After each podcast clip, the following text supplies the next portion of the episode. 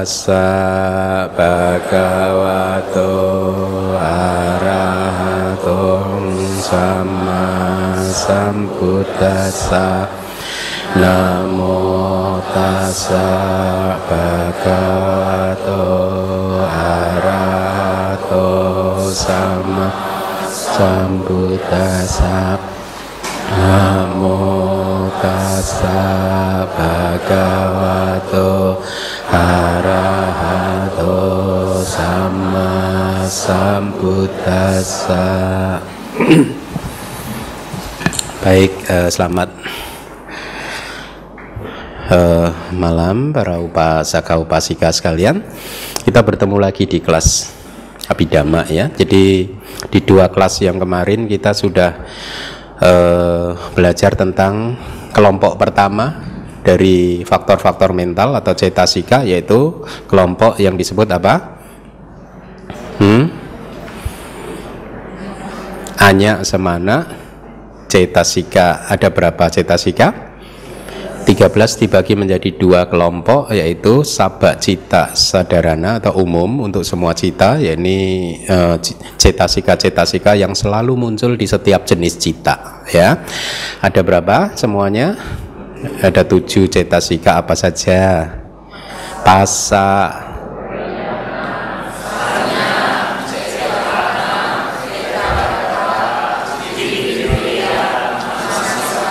bagus.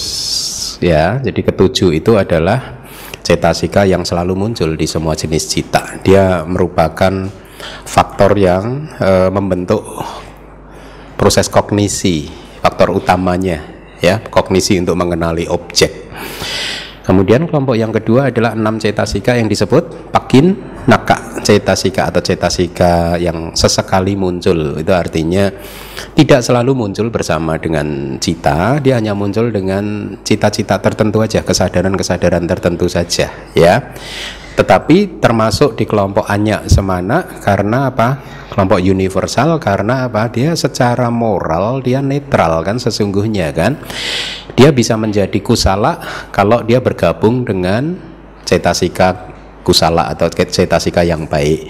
Kalau dia muncul bergabung dengan cetasika akusala yang kita pelajari malam hari ini, ya, cetasika yang tidak baik, maka kualitasnya jadi ikut-ikutan tidak baik. Ya, enam cetasika sesekali adalah apa saja?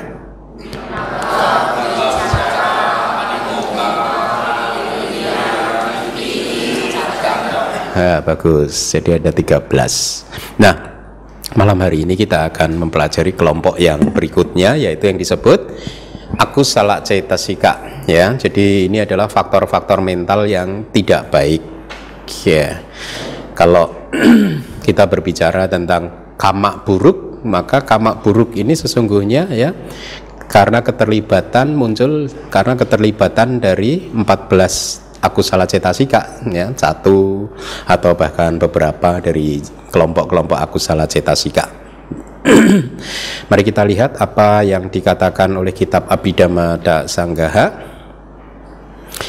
Uh, silahkan dibaca nomor satu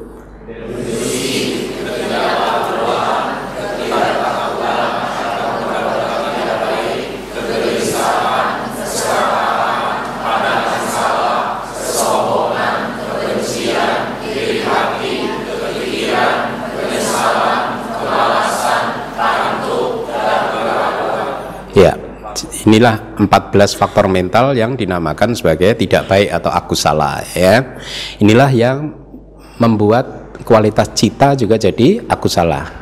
Ya, jadi kalau Anda sudah belajar tentang 12 aku salah cita ya, maka dia disebut aku salah cita karena eh, faktor-faktor mental yang akan kita pelajari malam ini terlibat di dalamnya atau muncul bersama dengan 12 aku salah cita ya e, bahasa palinya ma, saya akan ini ikuti saya moha, moha. ahirika, ahirika. anotapa, udaca, loba, titik, mana. Dosa.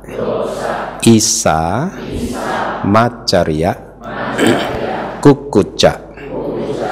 tina mida wicikicca Nah, ke-14 faktor mental inilah ya bahasa palinya. Saya eh, cenderung Anda menghafal bahasa palinya saja ya supaya nanti Anda tidak bingung karena kadang terjemahan satu dan guru satu dan guru lainnya berbeda ya. Jadi Uh, dari ke-14 cetasika ini akan dibagi menjadi beberapa kelompok. Anda sudah mengenal tiga akar yang tidak baik kan? Tiga, tiga, tiga akar kejahatan apa saja? Loba, dosa, moha. Nah di dalam 14 ini pun ada loba, dosa, moha, tetapi posisinya agak berbeda. Jadi dimulai dari moha dulu karena ini yang paling apa uh, akar dari samsara, akar dari kama yang sulit sekali untuk dilepas, uh, di, dilenyapkan Kemudian yang kedua adalah akar samsaranya adalah loba atau tanha sih sebenarnya ya. Jadi kelompok moha, kelompok loba, kelompok dosa ini ada semua. Kelom, jadi dalam 14 cetasika ini dibagi menjadi empat kelompok ya. Yang pertama adalah moha catuka atau e, kelompok empat yang diawali oleh moha nanti ya. Jadi moha, ahirika, anotapa udaca kemudian yang kedua adalah ke, kelompok loba ya atau loba tri itu biasanya disebut. Artinya kelompok tiga yang diawali dengan loba yaitu loba titik mana. Kemudian ada lagi dosa catuka atau kelompok empat yang dimulai dengan dosa yaitu dosa isa macaria kukuca. Kemudian kelompok yang terakhir adalah tiga kelompok yang terakhir disebutnya gitu yaitu tina, mida, dan wicikica. Nah, tidak sulit sebenarnya untuk menghafal ya. Jadi Anda pahami dari 14 cetasika dibagi menjadi empat kelompok. Apa tadi apa saja tadi? Moha catuka atau kelompok empat yang diawali dengan moha, kemudian moha uh, loba tri kelompok tiga yang dimulai dengan loba, Kemudian dosa catuka atau kelompok empat yang dimulai diawali dengan dosa. Dan kemudian tiga kelompok yang terakhir yaitu tina, mida, wicikica. Ya. E, kelompok yang pertama yang disebut moha catuka ya adalah juga disebut sebagai bahasa palinya sabak aku salah sadarana jadi muncul bersama dengan semua aku salah cita itu maksudnya jadi kalau Anda sudah belajar tentang 12 aku salah cita, dari setiap citanya itu ada moha empat, moha catuka, moha kelompok empat ini, kelompok empat yang dimulai atau diawali dengan moha. Ya, jadi dia muncul bersama dengan 12 aku salah selalu ada aku salah cita. Nah, kelompok loba dan kelompok dosa tidak seperti itu. Kelompok loba itu hanya muncul bersama dengan loba mula cita. Kelompok dosa hanya muncul dengan dosa mula cita. Nah, Anda hafalkan kelompok-kelompoknya ya. Jadi eh, kalau misalkan kelompok loba dia muncul biasanya di berapa jenis cita? Delapan jenis kan? Delapan loba mula cita. Nah, Anda lihat kelompok loba cetasika itu apa saja? Didik dan mana kan? Ya. Berarti kalau pandangan salah muncul, titik ini sedang muncul, maka ini sebenarnya yang membuat akhirnya cita tersebut diberi nama soma nasasa katang titik kata sampayutang kan gitu. Ya terkait dengan pandangan salah. Nah, itu artinya titik cetasika itu muncul, ya. Kelompok loba yang lain yang ketiga apa? Kesombongan. Kesombongan itu munculnya di somana sagatang atau UPK sagatang ya. Titik kata wib payutang tidak terkait dengan titik jadi pandangan salah dan kesombongan tidak bisa muncul bersama-sama tidak bisa. Ya. Jadi pandangan salah muncul bersama dengan cita yang berkaitan dengan pandangan salah. Mana kesombongan muncul berkaitan dengan cita yang tidak terkait dengan pandangan salah. Tetapi mana ini disebut nanti di bab Berikutnya kita akan belajar tentang niyata yogi dan aniyata yogi. Artinya asosiasi yang tetap dan asosiasi yang tidak tetap. Yang selalu muncul dan selalu tidak muncul. Artinya mana atau kesombongan itu termasuk yang tidak tetap. Maksudnya tidak selalu titik gata wipayuta atau tidak selalu kesadaran yang tidak terkait dengan pandangan salah itu selalu ada kesombongannya tergantung kasusnya. Kalau seseorang sedang uh, mengambil uh, buah mencuri buah meskipun dia tahu bahwa ini adalah perbuatan yang tidak baik tapi kan tetap saja diambil ya. Maka ya kesadaran yang muncul adalah yang tidak terkait dengan pandangan salah tetapi pada saat itu tidak ada kesombongan. Jadi pemahamannya adalah kalau kesombongan itu muncul dia selalu muncul dengan didik gata wip payuta. Tetapi bukan berarti dibalik. Kalau didik kata wipayuta muncul berarti kesombongan muncul. Tergantung kasusnya. Ya apa yang yang membuat kesadaran tersebut muncul. Nah sama juga dengan dosa catuka ya. Meskipun dalam satu kelompok dosa ada ada empat cetasika tetapi tidak selalu keempatnya muncul bersama-sama. Tergantung. Karena kecemburuan itu kan sifatnya atau iri hati itu kan berbeda dengan kekikiran. Jadi isa, maca, riak dan kukuca juga tidak bisa muncul bersama-sama. Ya, itu yang harus Anda pahami. Tetapi moha ahirika anotapa udaca, moha catuka, moha kelompok empat yang diawali dengan moha selalu muncul bersama-sama. Makanya dia disebut bahasa palinya sabak aku salah sadarana. Artinya universal muncul bersama dengan 12 aku salah cita ya. Nah, eh, mari kita pelajari penjelasan dari kitab sub tafsirnya apa yang disebut dengan moha atau delusi ya. Seperti biasa, karakteristiknya adalah kebutaan eh, mental atau ketidaktahuan. Artinya buta sehingga kita tidak tahu sifat sejati dari nama dan rupa. Karakteristik universal dari nama dan rupa dari batin dan tubuh jasmani atau materi yaitu apa? Anicca duga dan anatta. Kalau saat ini kita belum paham ya meskipun secara teori kita mengerti bahwa nama dan rupa batin dan jasmani itu adalah anicca duga dan anatta ya tapi kan kita hanya paham secara teoritis. Pemahaman ini kan tidak mencerahkan kita ya. Karena apa? Masih ada moha di dalam batin kita yang terus menerus menghalangi realisasi bahwa segala sesuatu itu adalah anicca duga dan juga anatta. Oleh karena itulah sering kali moha itu diberi perumpamaan seperti katarak. Mata yang mempunyai katarak itu tidak bisa melihat objeknya dengan jelas. Batin yang masih di disertai dengan moha yang belum berhasil membersihkan menghancurkan moha itu batinnya masih seperti mata yang katarak tadi tidak mampu melihat fenomena uh, yang sejati tidak mampu melihat karakteristik karakteristik baik itu individual karakteristik umum atau universal maupun sang kata lakana karakteristik dari segala sesuatu yang berkondisi yaitu apa? Muncul bertahan lenyap. Muncul bertahan lenyap ya ketidakmampuan melihat semuanya ini disebabkan oleh moha atau delusi. Bahkan akhirnya moha membodohi batin dan menganggap fenomena itu sebaliknya kebalikannya yaitu kekal menawarkan kebahagiaan dan ada aku ada diri paham ya.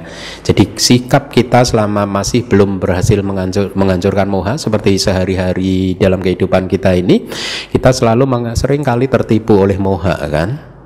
Ya. Si batin ini menganggap bahwa sesuatu fenomena nama dan rupa batin dan juga eh, materi itu kekal memberikan kebahagiaan dan juga ada diri yang mengatur semuanya atau bahkan ditambah karakteristik yang keempat yaitu subah indah yang membuat seseorang terus-menerus bernafsu untuk mempertahankan kehidupannya ya. Nah, uh, moha juga mempunyai nama lain yaitu awija. Kita sudah pernah ya bertemu dengan kata Pali awija. A itu tidak, wija itu mengetahui, tidak mengetahui. Tidak mengetahui apa? Tidak mengetahui tentang empat kebenaran mulia. Kalau Anda kita mampu menembus empat kebenaran mulia, maka kita menjadi orang yang tercerahkan. Ketidakmampuan kita untuk mengamati atau merealisasi empat kebenaran mulia ini yang disebut sebagai awija.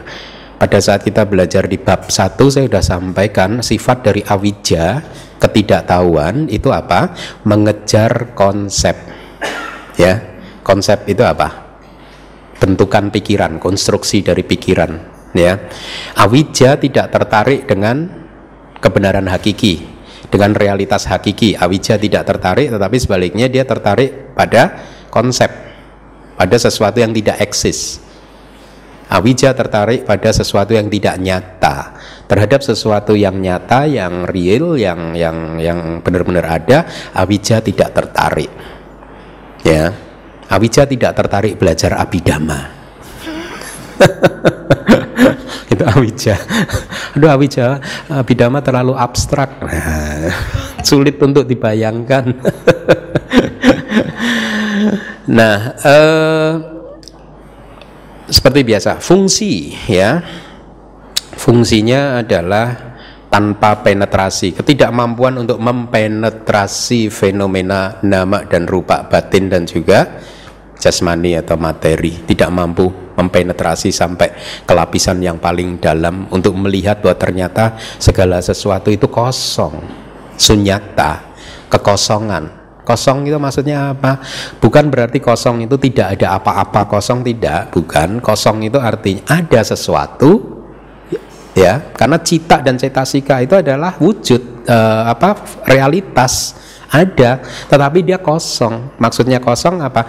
Kosong dari kekekalan, kosong dari kebahagiaan, kosong dari adanya diri, kosong dari segala sesuatu yang bersifat indah atau subak itu yang dimaksud dengan sunyata menurut aliran Theravada ya nah jadi itu fungsi moha membuat kita tidak mampu mempenetrasi e, nama dan rupa perwujudannya atau manifestasi yang muncul pada saat kita bermeditasi adalah ketiadaan dari kecenderungan batin yang baik atau e, menyebabkan kebutaan mental. Jadi perwujudannya adalah Batin tidak mau untuk melakukan sesuatu yang baik, itu yang dimaksud ya.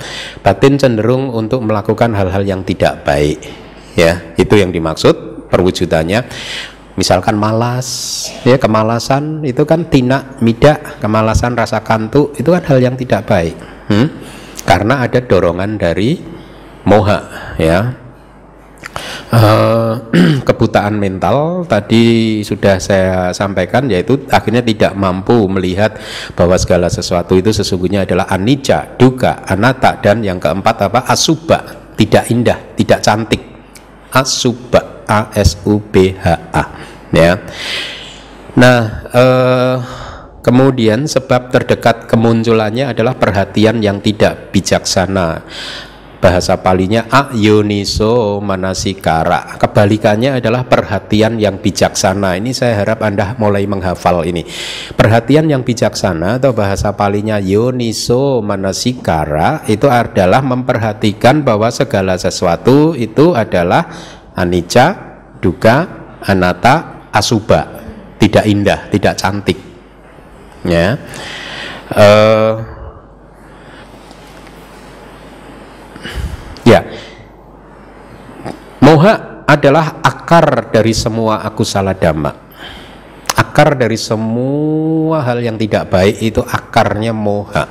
Kalau kita berbicara tentang samsara, ya tentang uh, uh, perpindahan kehidupan dari satu kehidupan ke kehidupan berikutnya atau atau lingkaran tumimbal lahir, lingkaran kelahiran dan kematian, samsara mempunyai dua akar yang membuat kita selalu lahir kembali, lahir kembali. Dua akar itu adalah moha dan loba. Ya, tetapi biasanya disebut dengan kata yang lain moha diberi nama yang lain awija, loba diberi nama tan ha atau nafsu keinginan. Tapi sesungguhnya kebenaran mulia yang kedua tanha itu adalah menurut Abhidhamma adalah lo cetasika. Awija itu menurut Abhidhamma adalah moha cetasika. Nah, itu adalah moha. Kemudian yang kedua adalah ahirika, ketidakmaluan ya tidak malu untuk melakukan hal-hal yang tidak baik karakteristiknya adalah tidak jijik terhadap perilaku yang tidak baik dan lain-lain artinya dan lain-lain di sini berarti ucapan yang tidak baik, tidak jijik, pikiran yang tidak baik juga tidak jijik. Maksudnya apa sih? Ya, pada saat Anda melakukan kejahatan meskipun Anda tahu bahwa itu adalah hal tidak baik tapi tetap saja dilakukan. Kenapa? Karena ada yang disebut tidak malu ini. Ya, tidak jijik terhadap perbuatan yang buruk atau perbuatan yang tidak baik. Jadi akhirika ini membuat kita seseorang tidak malu untuk berkata-kata yang tidak baik, bertindak yang tidak baik, berucap ya sorry berpikir yang tidak baik ya, yang muncul bersama dengan 12 aku salah cita. Nah, di kitab Pugala Panyati itu ada kalimat kira-kira yang mendeskripsikan tentang akhirika atau ketidak maluan yaitu tidak malu akan hal-hal yang tidak baik ya seperti babi di desa yang uh, tidak merasa jijik pada saat dia memakan kotorannya sendiri gitu. ya jadi pada saat kita sedang memunculkan aku salah cita sedang muncul pada saat itu ada akhirika nggak jijik kita dengan ucapan yang menyakiti orang lain dengan perbuatan yang menyakiti orang lain kita tidak merasa jijik dengan itu karena apa ada ahirika ya. Kemudian yang ketiga adalah anotapa yaitu ketidaktakutan akan perbuatan yang tidak baik ya. Jadi di kitab yang sama di ada kalimat tidak takut terhadap apa yang seseorang seharusnya takut, tidak takut pada kejahatan itu yang dimaksudkan ya. Jadi eh, tidak ada rasa takut untuk melakukan kejahatan apa pun tidak ada rasa takut untuk melanggar sila dan lain sebagainya. Diberi contoh itu seperti ngengat, tahu ngengat nggak anda? Ngengat yang hangus oleh api. Jadi di dalam kitab komentar itu ngengat itu ya, dia tertarik dengan api. Meskipun api ini membunuh dirinya sendiri, dia tetap saja masuk ke dalam api itu ya jadi tidak takut dia dengan risiko dari perbuatan jahatnya gitu jadi ngengat tersebut tertarik dan tidak sadar akan risiko terjun ke api ya demikian pula anotapa tidak sadar akan risikonya akhirnya kejahatan pun dilakukan ya. Jadi ahirika dan anotapa dua cetasika ini itu uh, uh, bisa menjadi seperti itu tidak malu dan tidak takut karena apa? Pengaruh moha yang pertama tadi yang membutakan mental, yang tidak melihat bahwa segala sesuatu itu sebenarnya tidak kekal. Kalau di dalam ceramah-ceramah hari Minggu sudah sering saya berikan contoh bahwa kalau seseorang itu paham bahwa segala sesuatu itu tidak kekal, maka dia mempunyai daya tahan yang lebih kuat untuk menerima uh, cob, apa uh, penderitaan, kesulitan yang muncul di dalam kehidupannya.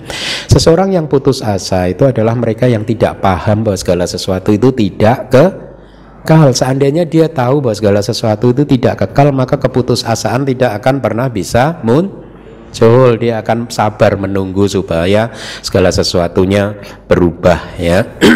Jadi karena moha membutakan batin, akhirnya bisa membuat batin tidak malu dan tidak takut untuk melakukan kejahatan ya Karakteristiknya dari anotapa adalah ketiadaan rasa takut terhadap perilaku dan ucapan yang tidak baik. Fungsi dari keduanya, ahirika dan anotapa punya fungsi yang sama yaitu melakukan perbuatan yang tidak baik. Perwujudannya juga sama yaitu tidak takut dengan kejahatan. Ya. Seperti ngengat tadi yang Meskipun tahu kalau dia masuk ke api dia mati, dia tetap saja masuk ke dalam api tersebut. Sebab terdekat buat akhirika adalah tidak menghargai diri sendiri. Nah ini agak berbeda sebab terdekatnya. Seseorang yang tidak malu pada saat dia melakukan kejahatan sesungguhnya dikatakan menurut Abhidhamma dia tidak menghargai diri dirinya sendiri. Seorang biku yang melanggar sila meskipun Buddha sudah mengatakan ya ada sila uh, uh, banyak sekali ya peraturan peraturan-peraturan disiplin monastik tetap saja dilanggar. Maka pada saat itu dia sudah, sudah tidak menghargai dirinya sendiri sama dengan Anda juga pada saat Anda misalkan melakukan kejahatan apa pun tidak malu untuk melakukannya bahkan melakukannya dengan bangga terang-terangan diceritakan pada temannya maka pada saat itu tidak ada rasa penghormatan diri terhadap diri sendiri. Ya, itu sebab terdekat kemunculan dari ahirika. Yang berikutnya sebab terdekat kemunculan dari anotapa adalah tidak menghormati orang lain. Berbeda kan? Ya, tidak takut akan konsekuensi dari perbuatan jahat, ya. Mengambil benda milik orang lain, ya, tidak takut kalau dia nanti dihujat. Ya, atau tidak maksud saya tidak takut kalau uh, apa? Uh, terhadap risiko-risiko yang muncul yang berkaitan dengan orang lain ya, ya tidak menghormati uh, harta benda milik orang lain dan lain sebagainya kemudian yang keempat yaitu apa? Udaca atau kegelisahan. Karakteristiknya adalah ketidaktenangan. Nah ini perumpamaan ini anda ingat-ingat seperti air yang dikocok oleh angin. Ya artinya dibuat bergejolak oleh angin ya uh, air di dalam danau yang tadinya tenang tetapi karena adanya air yang menghantam permukaan danau maka air tersebut menjadi bergejolak. Nah, batin pun juga seperti itu. Dia menjadi tidak tenang, dia bergerak ke sini, bergerak ke sana seperti air yang dikocok oleh angin. Fungsinya adalah untuk membuat batin tidak tenang. Ya. Sulit untuk mencapai samadhi. Seperti angin yang membuat bendera berkibar-kibar ya pada saat kita diminta untuk mengamati objek meditasi kita batin kita tidak tenang keluar dari objek lari ke sini lari ke sana seperti bendera yang berkibar-kibar. Manifestasinya adalah kegalauan. Kemudian sebab terdekatnya adalah perhatian yang tidak bijaksana terhadap batin yang tenang. Kalau tadi saya mengatakan perhatian yang bijaksana yoniso manasikara adalah memperhatikan segala sesuatu dalam konteks apa tadi? Anicca duka, anatta dan asuba, maka perhatian yang tidak bijaksana adalah kebalikan dari empat hal tadi yaitu nica, kekekalan, suka, kebahagiaan, atta, diri dan suba atau keindahan. Nah, udaca ini diberi contoh seperti gundukan abu abu ya dalam gunduk satu gundukan kemudian dihantam oleh batu yang cukup besar sehingga abunya berterbangan berceceran ke sini dan ke sana. Nah, kira-kira keadaan batin yang sedang gelisah itu seperti itu. Dia lari ke sini, lari ke sana, lari ke sini, lari ke sana begitu. Ya seperti abu yang berterbangan, berceceran ke sini dan uh, di sini dan di sana, di sana sini ya. Atau uh, seperti halnya uh, seseorang yang tidak bisa melihat bayangan dari wajahnya sendiri di permukaan air yang mendidih. Kalau ada air yang mendidih begitu kita tidak akan mampu melihat bayangan wajah kita sendiri. Batin yang sedang muncul dengan uh, bersama dengan udaca kegelisahan maka batin yang seperti ini adalah batin yang tidak bisa mampu melihat karakteristik universal dari segala sesuatunya juga ya. Jadi empat cetasika ini yang disebut sebagai moha catuk ka atau kelompok empat yang dimulai dengan moha yaitu apa saja? Moha ahirika anotapa udaca. Bagus. Kita masuk kelompok yang berikutnya yaitu loba tri atau kelompok tiga yang diawali dengan loba yaitu atau keserakahan Serakahan tidak pernah puas dengan apa yang ada. Sifat dari keserakahan kan seperti itu, menginginkan sesuatu yang berlebih, yang lain lagi ya, lebih lagi, lebih lagi sehingga akhirnya apa? Batin lupa menikmati apa yang dia punya. Ya. Mengejar sesuatu yang tidak ada akhirnya malah lupa untuk menikmati apa yang sudah ada. Itu sifat kan dari keserakahan. Karakteristiknya adalah mencengkeram objek seperti plester monyet. Aramana gahana lakano makata lepovia plester um, monyet. Jadi yang dimaksud itu seperti lem itu ya. Makata lepo perangkap monyet. Jadi di masa lalu apa pemburu monyet dia akan membuat seperti lem perekat dari berbagai macam tubuh-tubuhan dari bahan-bahan alami ya. Dicampur sedemikian rupa sehingga dia seperti lem lengket gitu. Tetapi di kitab komentar dijelaskan bahwa uh, benda ini kalau terkena sinar matahari dia bisa memunculkan warna-warni yang menarik perhatian monyet gitu ya. Nah, biasanya pemburu monyet akan menempatkan jebakan monyet ini uh, plester monyet atau lem untuk menjebak monyet di tempat-tempat tertentu di pohon, entah di dahan, di ranting dan lain sebagainya. Jadi pada saat terkena sinar matahari, kemudian warna tertentu muncul, si monyet melihat dia tertarik mendekati kepada uh, benda tersebut dan dikatakan dia ingin memegang dengan tangan kanan, begitu kepegang nggak bisa ditarik. Kemudian karena dia berusaha untuk melepaskan diri nggak bisa, dia pegang dengan tangan yang kiri untuk melepaskan tangan kanan, terikat lagi, ya, nggak bisa lepas. Akhirnya dia bantu dengan kaki kanan, itu didorong lengket lagi, nggak bisa dibantu dengan kaki yang kiri untuk melepaskan diri semakin menempel lagi. Kemudian yang kelima akhirnya dengan kepalanya gitu, dahinya gitu. Akhirnya lima-limanya lengket semua. Ya, dua tangan, dua kaki, dahi lima. Nah, ini perumpamaan yang diberikan di para guru kitab komentar di masa lalu bahwa keserakahan ini membuat batin lengket kelima objek panca indera. Ya, panca kama guna. Uh, uh, apa? Objek mata, objek telinga, objek hidung, objek lidah, kemudian objek kulit sentuhan ya. Jadi batin kita melekat kepada lima objek tersebut. Kalau Anda ya kita semua kita ini kayak monyet tadi udah setiap hari lima-limanya lengket terus ke, ke dalam makata lepak gitu, plester monyet atau lem yang dipakai untuk menjebak uh, monyet ya. Fungsinya adalah untuk melekatkan ini maaf kurang ya melekatkan seperti daging yang dilempar ke wajan yang panas ya. Kemudian manifestasinya tidak mau melepaskan. Jadi lihat pada saat Anda sedang bernafsu mengejar sesuatu kira-kira karakteristik fungsi manifestasinya seperti itu enggak? Ya, jadi Anda kontemplasikan terus abida, pengetahuan abidama Anda, ya. Cara terbaik pada saat Anda menderita karena loba itu cara terbaiknya apa? Lepaskan. Hmm?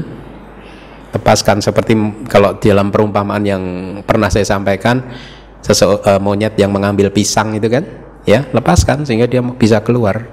Ya. Nah, uh, manifestasi tidak mau melepaskan sebab terdekatnya adalah karena batin melihat ada kenikmatan di dhamma lima tadi yang menurut batin hati pikiran kita akan bisa memberikan e, kebahagiaan tapi tidak tahu bahwa sesungguhnya itu hanyalah akan menghasilkan kemelekatan atau keterikatan ya. Nah eh, Kelompok loba ada tiga tadi apa saja? Loba, didik, mana. Loba mempunyai nama lain yaitu kadang disebut sebagai tanha atau nafsu keinginan. Nah, tanha, mana, didik urutannya berbeda ya. Tiga cetasika ini disebut sebagai papanca dhamma. Artinya apa? Dhamma yang memperpanjang samsara. Ya, yang membuat kita kelahiran kita bertambah terus. Ya. Jadi yang memperpanjang kelahiran dan kematian kita itu tiga hal ini yaitu apa tadi? Lobatri atau bahasa sutanya sesungguhnya adalah tanha dibalik mana didik kalau abidama loba didik mana ya jadi ini penting saya informasikan pap panca dhamma yang memperpanjang kelahiran dan kematian, memperpanjang jumlah kelahiran dan kematian. Ya, seseorang yang tercerahkan pada saat dia mencapai sotapana maka jumlah kelahiran dan kematiannya berkurang sehingga hanya menjadi berapa maksimal tujuh kali saja, tidak ditambah lagi. Ya, yang keenam cetasikanya adalah didik atau pandangan salah. Ya kita udah sering membahas pandangan salah. Di kelas pariyati sasana juga udah disampaikan tentang 62 pandangan salah ya. E, karakteristiknya adalah kecenderungan yang tidak bijaksana. Artinya seperti tadi tidak bijaksana. Jadi menganggap ada yang kekal bisa memberikan kebahagiaan yang kekal dan ada aku, ada diri dan juga menganggap bahwa segala sesuatu di samsara ini indah. Ya, itu perhatian yang tidak bijaksana, kecenderungan yang tidak bijaksana, fungsinya adalah memutar balik fakta, kira-kira seperti itu. Ya. Bahwa eh, sesungguhnya segala sesuatu anicca duka dan anatta tidak ada aku tidak ada diri tetapi pandangan salah menganggap ada diri gitu. jadi didik kalau di dalam konteks abidama artinya pandangan salah kalau mau lengkapnya sebenarnya ada tambahan satu kata di depannya yaitu micha diti atau pandangan salah. Itu kebalikan dari sama diti atau pandangan benar benar yaitu faktor kedua dari jalan mulia berunsur delapan ya.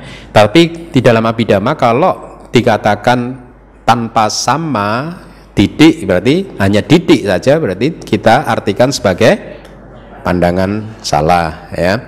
Manifestasinya adalah kecenderungan yang salah ya.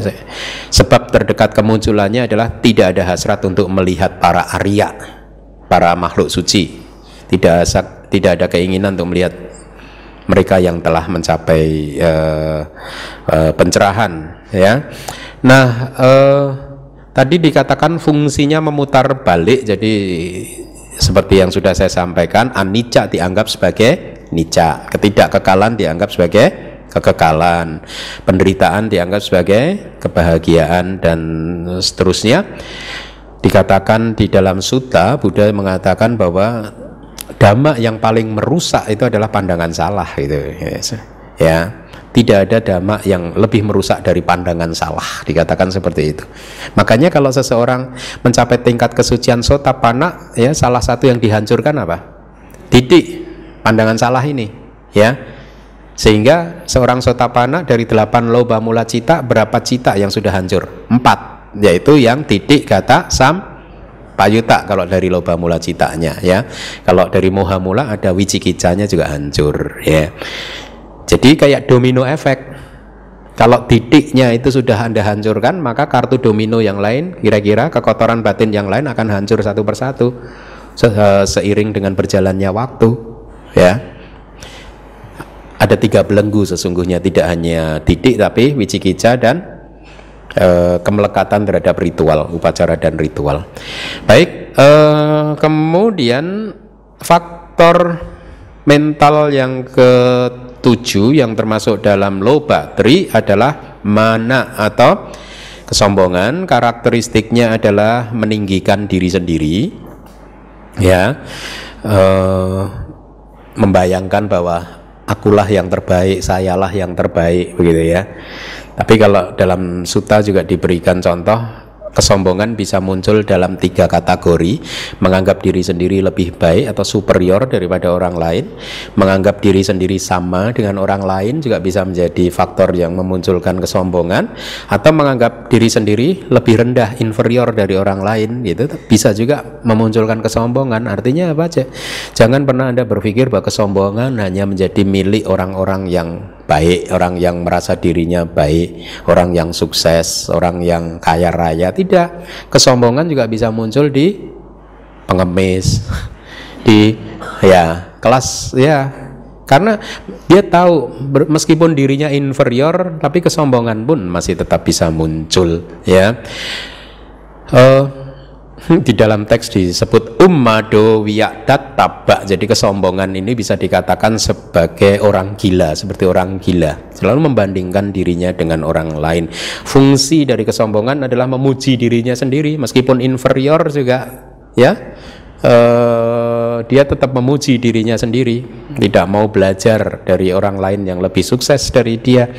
Kemudian manifestasinya adalah hasrat untuk menonjolkan diri seperti bendera yang berkibar-kibar dia menonjolkan dirinya sendiri inilah saya inilah saya gitu. sayalah yang terbaik gitu, ya eh, sayalah yang paling pintar dan lain sebagainya gitu. jadi kesombongan ini juga merupakan satu dari sepuluh belenggu yang membelenggu kita di dalam samsara dan hanya bisa dihancurkan oleh arahata maga ya jadi hanya arahat saja yang sudah tidak mempunyai kesombongan. Berarti anda aman.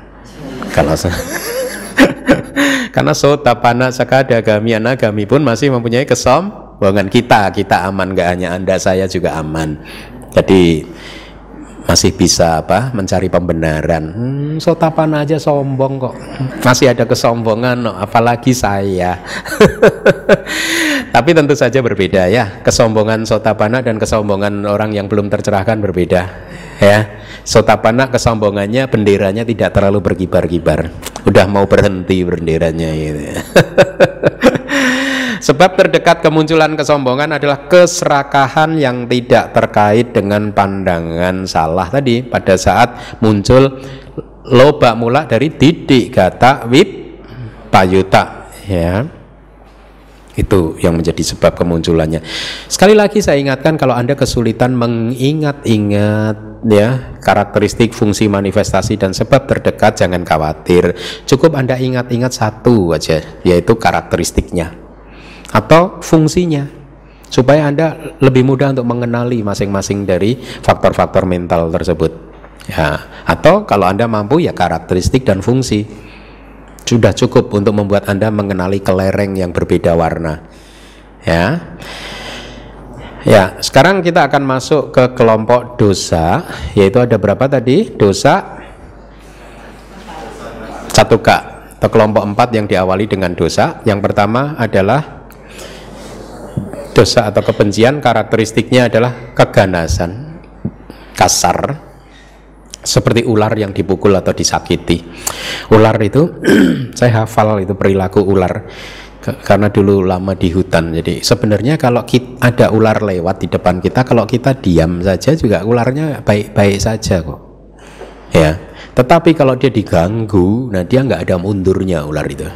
Benar Ya salah satu kawan saya di hutan kebetulan umat biasa katanya dia jago nangkap ular gitu. Pada satu hari dia nangkap ular gitu. Ular lewat di depan wihara dia tangkap tapi waktu itu gagal dia menangkapnya. Nggak tahu megang kepalanya itu gagal gitu. Uh, akhirnya lepas lagi apa yang terjadi? Ularnya mengejar loh. Nggak ada mundurnya dia tetap saja dia nggak lari itu. Mau diapakan nggak lari. Dikejar sampai akhirnya teman saya itu lari ke pinggir sungai dan terjun ke sungai udah. Sampai sampai segitunya. Jadi seperti ular yang dipukul disakiti dia tidak akan mundur itu. Dia akan ada keganasan di sana. Itu sifat dari kebencian ya. Lihat prak, apa renungkan pada saat kebencian muncul di hati Anda bagaimana perilaku atau karakteristik dari hati Anda sangat jahat. Betul tidak? Ingin menghancurkan objeknya. Ya. E, menyerang, makanya disebut dus seti, ya, perilaku batinnya menyerang, ya. E, kemudian fungsinya adalah menyebar yang menyebarkan apa membakar ya, seperti bisa ular yang telah merasuk atau membakar tempatnya bergantung yaitu hadaya watu yaitu landasan hati kalau anda sedang marah kebencian lihat. Dada Anda bergetar kencang terbakar sesungguhnya dia. Ya. Hati Anda berdegup jantungnya berdegup dengan sangat kencang sekali ya. Atau diberi perumpamaan seperti api yang membakar di hutan. Jadi membakar dirinya sendiri membakar tempatnya bergantung membakar hutan tersebut. Itu yang dimaksud dengan perumpamaan ini yaitu membakar tempatnya bergantung yaitu tempat bergantungnya apa tadi? Hadaya waduk atau landasan hati. Hati nurani hati iya. Uh, manifestasinya adalah menyerang. Seperti musuh yang mendapatkan kesempatan. Itu kira-kira kebencian itu seperti itu ya. Sebab terdekatnya adalah landasan kemunculan dari kemarahan ya. Seperti air seni bercampur dengan racun. Nah, kita ketemu lagi dengan perumpamaan ini. Landasan kemunculan dari kemarahan itu apa saja? Di bab pertama udah belajar belum kita? Ada sembilan ya. Ingat nggak? Hmm? Dia menyak dia pernah menyakiti saya di masa lalu. Dia sedang menyakiti saya saat ini. Dia kelihatannya akan menyakiti saya ini. Ya? Di masa atau entah besok atau di masa depan gitu atau uh, dia telah menyakiti sahabat saya di masa lalu dia sedang menyakiti sahabat saya atau dia kelihatannya akan menyakiti sahabat saya. Nah, maka kemarahan bisa muncul. Ya, enam. Kemudian tiga yang terakhir apa? Uh, dia kayaknya baik terhadap orang yang saya benci. Di masa lalu itu dia sahabatnya musuh saya ini, maka saya harus benci dia juga. Ya, atau eh dia ini ternyata temenan baik sama orang yang saya nggak suka ya. Akhirnya kebencian terhadap orang tersebut bisa muncul. Kemudian yang kesembilan adalah sepertinya dia baik nih nanti sama temen apa orang yang saya benci ini. Nah, ya. Jadi sembilan landasan kemunculan dari kemarahan itu sebab terdekatnya. Jadi pada saat bertemu maka seperti air seni bercampur dengan racun sangat merusak. Ya, itu yang dimaksud. Kemudian cetasika yang kesembilan adalah isa iri hati. Karakteristiknya adalah iri hati atau cemburu atas kesuksesan atau kebahagiaan atau kekayaan orang lain. Nah, lihat ya, jadi renungkan terus amati kualitas batin Anda bagaimana pada saat iri hati itu muncul ya. Kita tidak suka melihat orang lain yang sedang bahagia, tidak suka melihat kesuksesan orang lain ya. Lihat perasaannya apa pada saat kecemburuan ini muncul, iri hati ini muncul. Domanasa, karena ini kelompok dari do saat cita ya dosa mula cita perasaannya tidak nyaman ya. Uh, kemudian fungsinya adalah tidak menyukai kebahagiaan mereka ya. kita ini kadang ini apa tidak konsisten. Padahal setiap kali kita mengucapkan doa kan semoga semua makhluk ditambahin kecuali dia Sebenarnya kalau kita benar-benar mengharapkan semua makhluk bahagia, pada saat kita melihat ada teman kita bahagia kan harusnya udah beban kita hilang satu ya.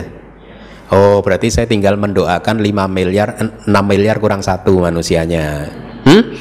Tapi ada aja pada saat kita melihat orang lain sukses bahagia malah ada kebencian di sana, ada iri hati di sana ya. Manifestasinya membuang muka. Jadi ada saat melihat orang tersebut dia akan membuang mukanya, nggak mau melihat gitu. Kenapa? Nggak tahan. nggak tahan. Gitu. Karena ini masuk dalam grup dosa kebencian, menolak kan? Menolak objek kan? Sifat dari dosa kan menolak objeknya, menghancurkan objeknya. Kelompok dosa. Kalau sifat dari kelompok loba apa? Mencengkeram, menggenggam objek. Beda kan? Ya, jadi membuang muka gitu. Sebab terdekatnya adalah kesuksesan dari orang lain gitu. Jadi uh, ini adalah Isa, kemudian yang ini menarik nih macaria yang sering keliru dipahami oleh umat Buddha. Kekikiran itu sering seseorang memahaminya sebagai Anda mempunyai katakanlah uang 10 ribu dan Anda tidak mau membagi, maka itu disebut kekikiran kan? Betul tidak? Anda punya uang 10 ribu, kemudian melihat ada pengemis yang membutuhkan uang dan Anda tidak mau berbagi. Nah ini yang dianggap sebagai kekikiran. Ya, macaria itu kelompoknya dosa. Ingat, kelompok kebencian. Ada perasaan tidak suka. Jadi kalau saya ini seperti saya, saya guru abidama. Saya tidak ingin nih semua orang di Indonesia bantainya siapanya, saya nggak ingin ada guru abidama di Indonesia. Itu yang disebut macaria. Dhamma Macarya. Saya ingin hanya saya saja yang dikenal sebagai guru abidama di Indonesia. Kenapa? Anda pahami bahwa macarya termasuk dalam kelompok loba atau dosa? Dosa berarti perasaan yang menyertainya somanasa, upeka atau domanasa? Ya, begitu cara mengaplikasikannya ya. Karakteristiknya adalah menyembunyikan kesuksesan atau kekayaannya baik yang sudah didapatkan atau hendak didapatkan. Nah, para bisnismen Anda yang suka berbisnis itu kira-kira ah, wah saya kayaknya mau dapat proyek ini nih. Ya, terus langsung eh jangan ngomong-ngomong dulu ya, udah. Jangan sampai orang lain tahu ya, kita kejar aja sendirian gitu. Jangan sampai kena orang lain ya. Nah, itu macaria. Hah? Baik yang sudah didapat atau hendak didapat. Fungsi dari macarya adalah tidak ingin membaginya dengan orang lain. Artinya tadi keberuntungannya tidak ingin dibagi dengan orang lain. Saya yang ah, pin, ahli abidama, jangan sampai orang lain juga ahli abidama. Makanya kalau saya ngajar pada Anda, ada yang saya umpetin. Kuncinya saya umpetin, gitu. saya nggak mau bagi, supaya anda nggak paham abidama seperti saya. Gitu. Misalkan seperti itu, ya Bukan karena tidak mau membaginya, tapi semata-mata karena saya tidak ingin Anda pinter abidama aja. Paham ya? Beda. Manifestasinya adalah menyeringai sangkocena padanang atau ketakutan untuk berbagi ya ketakutan perasaannya domanasa ya bukan somanasa atau UPK kaduk kancu kata padanang wah ya jadi e, sebab terdekatnya adalah kekayaan atau kesuksesan, keberhasilan yang dimiliki oleh dia, ya. Jadi sekali lagi, macaria itu masuk dalam kelompok loba atau kelompok dosa. Berarti sifatnya Anda sudah paham ya. ya. Ada kalau di dalam suta itu disebutkan ada lima jenis macaria, ya, yaitu awasa macarya kekikiran yang berkaitan dengan tempat tinggal atau wihara kalau berbiku saya ingin wihara saya yang terbesar saya tidak ingin wihara yang lain sebesar wihara saya nah itu macarya juga awasa berkaitan dengan tempat tinggal.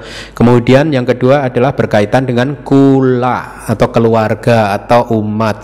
Saya ingin menjadi satu-satunya biku yang mempunyai murid terbanyak. Saya tidak ingin biku lain mempunyai murid sebanyak saya. Saya tidak ingin biku lain mempunyai donatur sebanyak saya. Saya ingin donatur seluruh Indonesia datang ke DBS.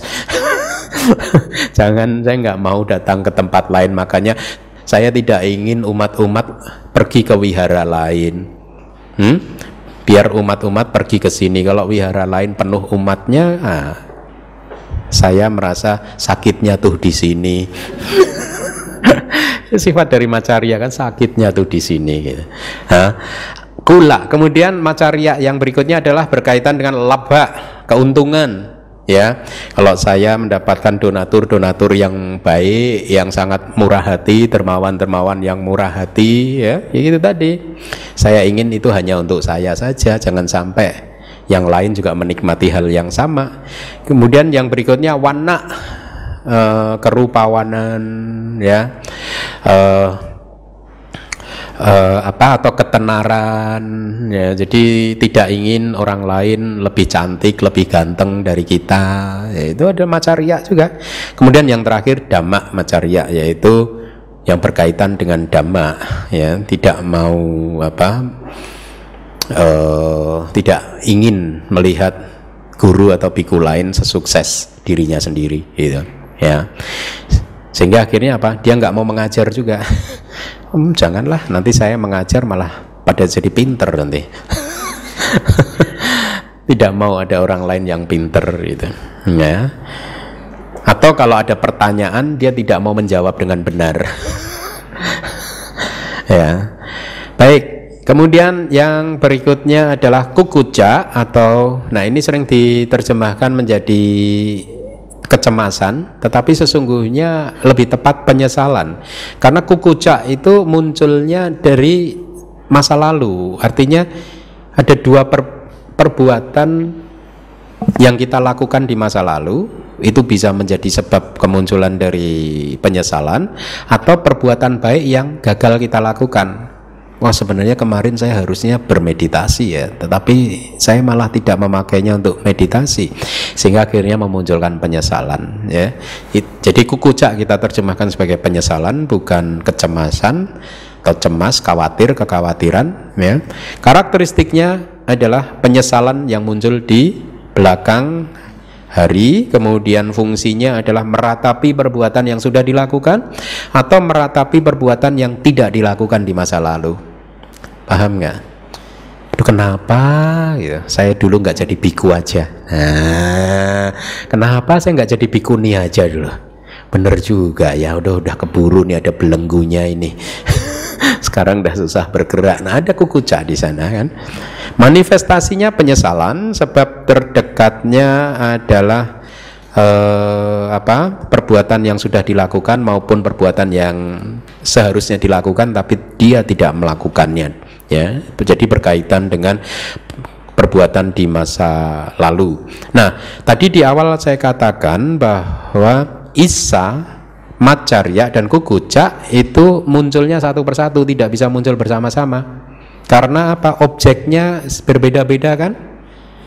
Kecemburuan, iri hati, eh sorry, Isa ya, uh, iri hati, objeknya apa?